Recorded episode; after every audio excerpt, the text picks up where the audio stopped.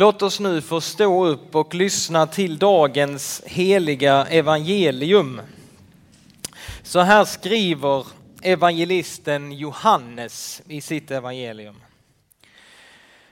En man som hette Lazarus låg sjuk. Han var från Betania, byn där Maria och hennes syster Marta bodde. Det var Maria som smorde Herren med välluktande balsam och torkade hans fötter med sitt hår. Och Lazarus som låg sjuk var hennes bror. Systrarna skickade bud till Jesus och lät säga, Herre, din vän är sjuk. Och när Jesus hörde det sade han, den sjukdomen leder inte till döden utan ska visa Guds härlighet så att Guds son blir förhärligad genom den. Jesus var mycket fäst vid Marta och hennes syster och Lazarus. När han nu hörde att Lazarus var sjuk stannade han först kvar två dagar där han befann sig. Men sedan sade han till lärjungarna, låt oss gå tillbaka till Judeen. Så lyder det heliga evangeliet. Lovad vare du Kristus. Varsågoda och sitt. Vi ska få röra oss i den här evangelietexten idag under predikan och i den här texten så möter vi syskonen Marta, Maria och Lazarus. En syskonskara på tre. Och det första jag tänkte lyfta fram det var det som står att Jesus han var mycket fäst vid Marta, Maria och Lazarus. I de andra bibelöversättningarna som man kan läsa så står det Jesus han älskade Marta, Maria och Lazarus. Och vi förstår också utifrån den här texten att Maria, det var hon som smorde Jesu fötter med äkta nardusbalsam. Vi får läsa om detta i nästa kapitel i Johannesevangeliet. Då, då berättas det om hur Maria på ett sånt helt fantastiskt sätt. Hon, hon tar det dyrbaraste hon äger, en äkta nardusbalsam och hon bryter hela flaskan och häller den över Jesu fötter. Hon smörjer in hans fötter med hennes hår och hon kysser hans fötter. En otrolig kärlekshandling. Men det vi förstår här är att Jesus han älskade Marta, Maria och Lazarus. Jesus han älskade mänskligheten så mycket att han dog för oss på korset. Det är därför vi har kors överallt här. Så älskade Gud världen att han gav den sin enda son för att de som tror på honom inte ska gå under utan ha evigt liv. Jesus har visat på det mest tydliga sättet så att vi aldrig någonsin ska tvivla på hur mycket älskar Gud mig. Jo, han älskar mig så här mycket. Så här mycket älskade han dig och mig. Att han dog för dig. Om det bara hade varit du som fanns som människa så hade Jesus gjort det ändå.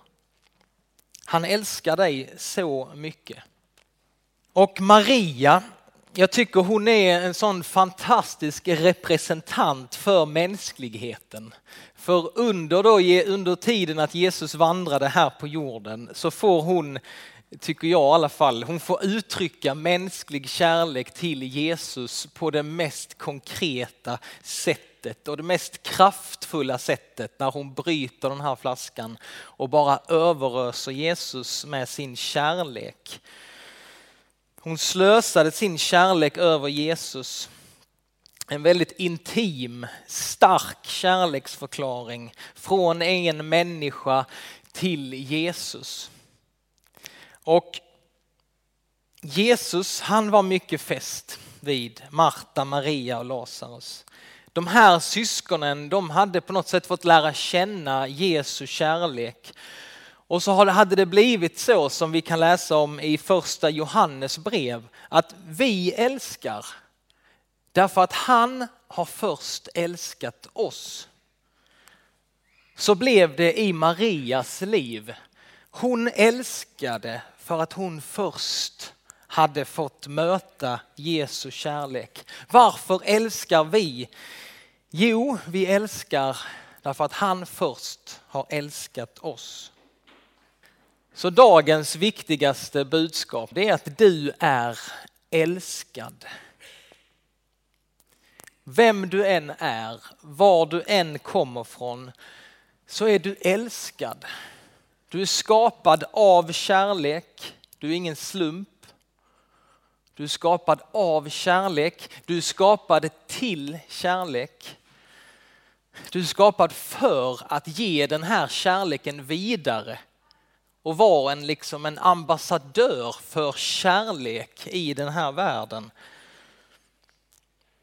Tänk om vi idag skulle våga sätta in vårt eget namn i den här texten va? och läsa Jesus var mycket fäst vid Daniel. Jag heter Daniel om ni inte vet det. Jesus var mycket fäst vid Daniel. Jesus han var mycket fäst vid Daniel. Det är underbart. Jesus han var mycket fäst vid Daniel. Sätt in ditt eget namn där. Våga läs den här texten på det sättet att Jesus han är mycket fäst vid dig. Ska du veta. Det händer någonting när vi gör det. När vi sätter in vårt eget namn, vi dras in i berättelsen och vi förstår att det var därför Jesus kom hit till jorden för att upprätta sådana här kärleksrelationer med oss människor. Med dig och mig. Inte bara med några stycken då, utan han vill ha den relationen med dig och mig idag. Det står att han umgicks mycket med Lazarus, Maria och Marta. Och på samma sätt så vill han eh, umgås med dig och mig. Det är viktigt att här under tiden du lever här, att du får lära känna Jesus. Att få släppa in honom i ditt liv. Det är viktigt att få komma till Jesus. Och hur lär man då känna Jesus? Jo, systrarna kom till Jesus och så sa de så här, Herre din vän är sjuk. De var inte så detaljerade i sin beskrivning men de gick till Jesus med sin nöd. Alltså det var det som var det viktiga i deras liv just nu. Det är att vår bror är sjuk. Han ligger för döden. Och så går de till Jesus med sin nöd. Och så ber de en sån här vacker bön. Kanske är det någon som du tänker på. Så kommer de till Jesus och säger de, Herre, din vän är sjuk. Det är inte de många orden som gör det när vi kommer till Jesus. Men att få ärligt bära fram sin nöd inför Jesus. Det är så, det är så du lär känna Jesus. Och det är så han får lära känna dig. Det är så han får lära känna oss. Det är bara så vi kan lära känna Jesus på riktigt. När vi kommer med vår nöd till honom. För vet ni vad? Jesu yrke, vet ni vad det är? Det är att vara din och min frälsare. Alltså att vara vår personliga, han som räddar oss. Det är hans yrke, det är det han gör.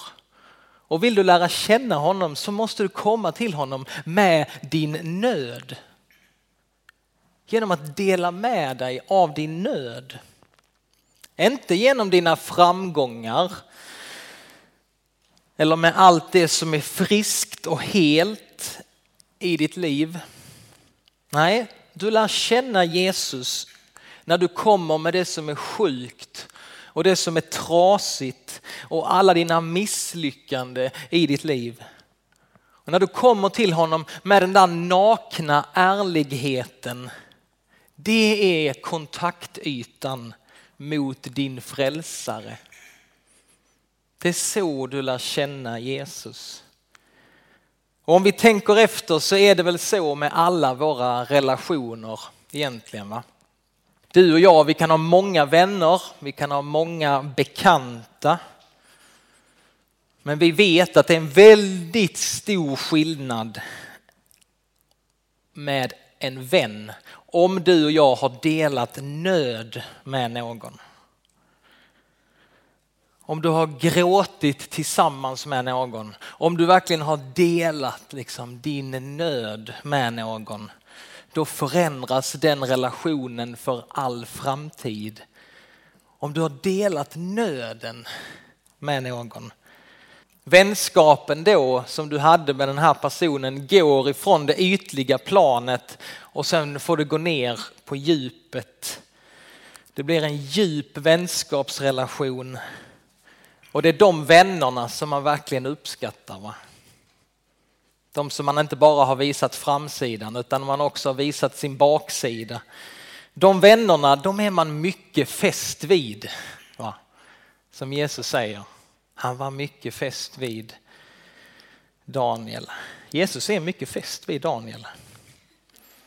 Det är faktiskt underbart. Så att leva tillsammans att leva tillsammans, vad innebär det? Jo, det är att dela nöden tillsammans med andra. Nöden, nu har jag sagt det så många gånger så det är ett konstigt ord, nöden. Jag får byta ord. Jag byter ord. Att få dela smärtan med någon. Det som gör ont, det som jag skäms för kanske. Det jag brottas med i livet, mitt tvivel. Här är man liksom kristen och man, man går i kyrkan och så bär man på tvivel. Ja, men att få dela det med någon. Det är, inte, det är inte farligt att tvivla. Det är inte alls farligt. Det som är farligt det är att tvivla ensam. Gör inte det. Utan om du tvivlar så dela tvivlet med en annan kristen. Då finns det chans att du kommer ur det också. Men att få dela nöden och det som är väldigt viktigt. Att leva tillsammans det är att dela nöden. Du ska inte göra det med alla människor. Och vi har redan varit inne på det, va? frågan hur mår du? Då ska du inte svara ärligt kanske till alla. Men vi här i EFS-kyrkan, vi vill inte vara en gemenskap som bara allt är väl gemenskap. Jo, jo, allt är väl, vad skönt, att du inte säger något annat. Utan vi vill försöka leva nära Jesus, nära vår frälsare, nära varandra och det vill vi göra mitt i Helsingborg. Vi vill försöka odla, inte bara en ytlig gemenskap med varandra, utan en gemenskap som berör både livets framsida och baksida. Och du är så välkommen att vara med här och hjälp oss. Hjälp oss att gå från yta till djup. Hjälp oss vara med och bidra så att vi kan gå från periferi till centrum, till det som är riktigt viktigt i livet. Jesus han får höra att hans vän är sjuk. Jesus han tar emot deras nöd. Och vad gör han då? Kommer ni ihåg vad han gjorde? Han väntade i två dagar. Oh, fy vad jobbigt. Vilken jobbig kille. Han stannar i två dagar innan han börjar göra någonting. Han som känner nöden, han väntar i två dagar. Jag är inte så stressad person som jag försöker ändå skapa lite stress här. Om man är stressad och otålig, va? vad gör han när han får höra om min nöd? Han stannar i två dagar. Hmm. Varför går han inte direkt? Ah, här finns så mycket av mänsklig erfarenhet. Här finns så mycket av kristen erfarenhet. Vi som har bett till Jesus och vi som upplever, varför gör han ingenting? Inget händer. Han stannar i två dagar.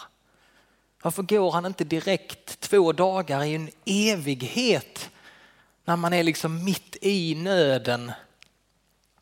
Varför händer ingenting? Jag ber ju. Har Gud glömt bort mig? Det kan komma väldigt många sådana här mörka tankar när vi blir otåliga och när vi får vänta på svaren. Och vi vet inte varför han stannade i två dagar. Var det för att be? Behövde han det? Jesus han säger vid ett annat tillfälle att han gjorde ingenting utan att få order uppifrån. Alltså han gjorde ingenting utan det fadern sa åt honom att göra. Var det det han väntade på? Väntade han på rätt tillfälle? Kanske är det någonting som vi behöver lära oss. Guds tid är annan än vår tid. Han har ett helt annat perspektiv. Vi vill gärna hitta en lösning direkt och vi kastar oss in i situationer, kanske allt för snabbt många gånger. Det kanske finns en poäng att vänta innan vi kommer med lösningen. När någon är i nöd kanske ska vi vänta lite innan vi kommer med våra lösningar. Först lyssna. Lyssna framförallt till personen men också som Jesus gör, lyssna till Fadern. Lyssna innan du griper in.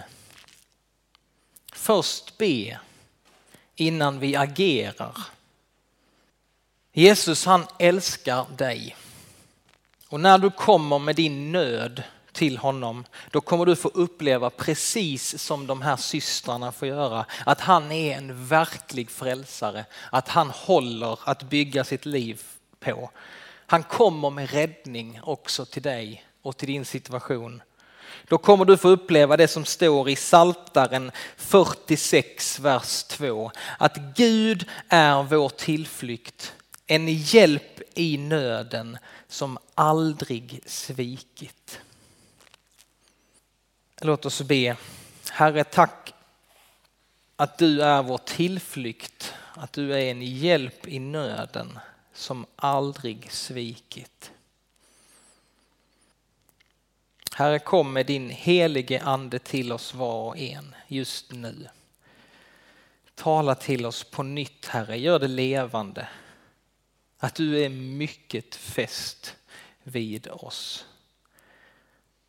Att du älskar oss och att du är intresserad av det som är viktigt i våra liv. Det som är vår nöd.